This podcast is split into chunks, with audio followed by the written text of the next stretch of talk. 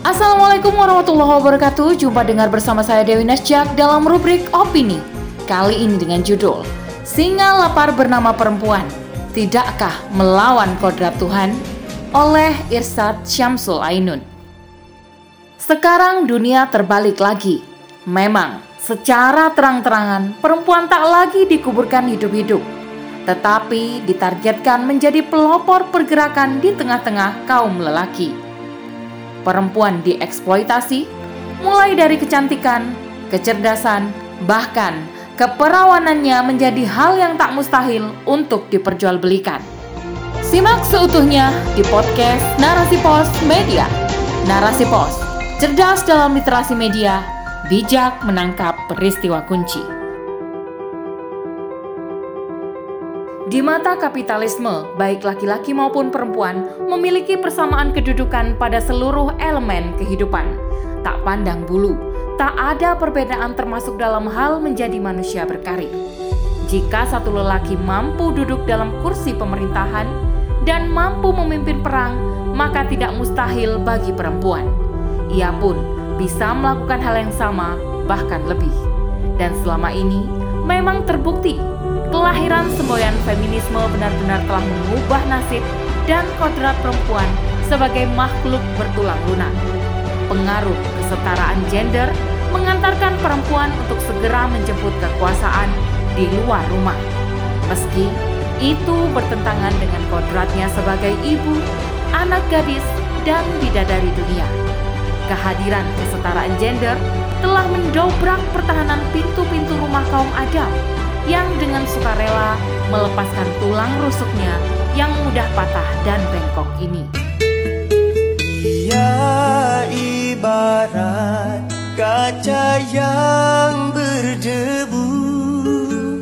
Jangan terlalu keras membersihkannya. Nanti ia mudah retak dan pecah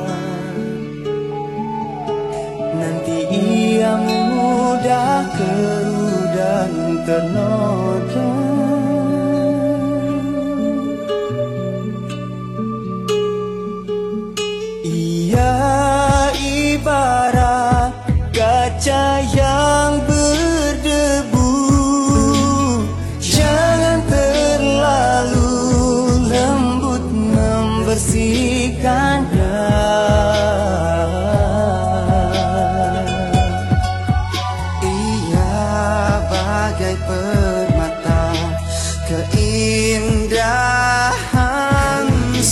your heart.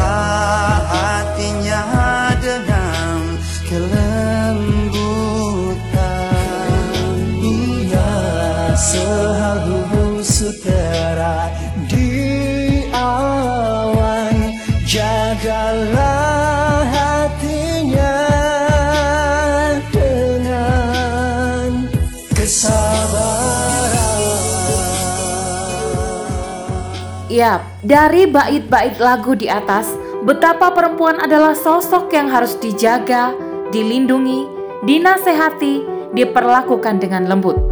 Tapi tidak pula dengan keras dan terlalu lembut. Ada kekhawatiran di sana. Takut salah dalam memperlakukan perempuan adalah awal yang akan berefek pada generasi berikutnya. Duhai, betapa perempuan begitu mulianya. Betapa tidak jauh sebelum Islam hadir, perempuan ibarat barang yang tak bernilai. Ia lebih rendah dibanding harga binatang ternak dan dijadikan pemuas nafsu oleh banyak hidung belang. Menjadi sosok yang hadirnya dapat memerah padamkan wajah ayah sebagai cinta pertamanya. Namun, juga menyayat hati ibundanya. Allah Subhanahu wa taala berfirman, Padahal, apabila seseorang dari mereka diberi kabar dengan kelahiran anak perempuan, wajahnya menjadi hitam atau merah padam, dan dia sangat marah. Quran Surah An-Nahl ayat 58 Miris sangat miris, tak ada pertolongan di sana. Mereka yang dilahirkan dengan jenis kelamin perempuan tak segan dikubur hidup-hidup. Dan ini benar-benar menjadi petaka. Sekarang dunia berbalik lagi. Memang Secara terang-terangan, perempuan tak lagi dikuburkan hidup-hidup, tetapi ditargetkan menjadi pelopor pergerakan di tengah-tengah kaum lelaki. Perempuan dieksploitasi, mulai dari kecantikan, kecerdasan, bahkan keperawanannya menjadi hal yang tak mustahil untuk diperjualbelikan. Makin masifnya pergerakan yang mendorong perempuan untuk setara dengan kaum Adam justru telah mengubah kondisi perempuan. Setidaknya, dari setiap pergerakan ini yang katanya untuk menyetarakan, faktanya justru sebaliknya. Kasus kekerasan meningkat, perceraian, pembunuhan, aborsi, dan masih banyak lagi. Tak dapat dimungkiri setiap tahun kasus-kasus tersebut menjadi warna yang dominan tampil di layar kehidupan kita. Demikian sempurnanya pergerakan ini. Tak ada yang bisa menghentikan. Bahkan sejak usia dini, perempuan telah digenjot untuk memiliki karir. Dengan tujuan ketika dewasa, mereka tidak harus berlindung di bawah payung kaum Adam. Itu wacananya. Faktanya, lagi dan lagi, semua itu bukannya menyejahterakan perempuan. Justru sebaliknya, perempuan makin kehilangan fitrahnya sebagai pengatur rumah tangga, pendidik bagi anak-anak, dan yang paling menyesakan adalah mereka tak segan melawan kodrat dari Tuhan. Allah Subhanahu wa Ta'ala berfirman, "Dan ibu-ibu hendaklah menyusui anak-anaknya selama dua tahun penuh bagi yang ingin menyusui secara sempurna, dan kewajiban ayah menanggung nafkah dan pakaian mereka dengan cara yang patut. Seseorang tidak dibebani lebih dari kesanggupannya. Janganlah seorang ibu menderita karena anaknya, dan jangan pula seorang ayah menderita karena anaknya. Ahli waris pun berkewajiban seperti itu pula. Apabila keduanya ingin menyapih dengan persetujuan dan permusyawaratan antara keduanya, maka tidak ada dosa atas keduanya. Dan jika kamu ingin menyusukan anakmu kepada orang lain, maka tidak ada dosa bagimu memberikan pembayaran dengan cara yang patut. Bertakwalah kepada Allah dan ketahuilah bahwa Allah Maha melihat apa yang kamu kerjakan. Quran Surah Al-Baqarah ayat 233 Perlu digarisbawahi bahwa perempuan memiliki tugas untuk menyusui, menyapih anak-anak mereka dengan kurun waktu yang telah ditentukan. Bukan hanya itu, perempuan juga menjadi benteng pertama dan utama dalam hal meletakkan pondasi pembentukan akhlak dan akidah bagi anaknya. Tetapi, kondisi yang demikian tak lagi terpancar dari kaum perempuan. Bahkan, 9 dari 10 perempuan memilih bekerja di luar rumah daripada harus menunggu para suami yang memang telah ditugaskan untuk mencari nafkah sebagai jalan pemenuhan kebutuhannya. Langkah-langkah ini semakin mengerucut dengan dukungan para cukong berdasi ala barat. Mereka hadir dengan konsep-konsep yang terlihat halus, tetapi menghanyutkan. Perempuan didorong untuk meninggalkan tugas keibuannya dan berganti posisi menjadi pencetak rupiah yang menggiurkan. Anak-anak difasilitasi oleh gadget dengan alasan agar tak mengganggu posisi ibu yang sedang bekerja. Padahal, tugas kenegaraan seorang ibu yang lebih mulia ialah menjadi ummu warobatul bait. Dari sinilah posisi kemuliaan itu dapat diraih dengan tak mengingkari nikmat Allah yang Allah sendiri telah menjanjikannya dengan ganjaran syurga. Apakah mungkin posisi perempuan bisa dikembalikan?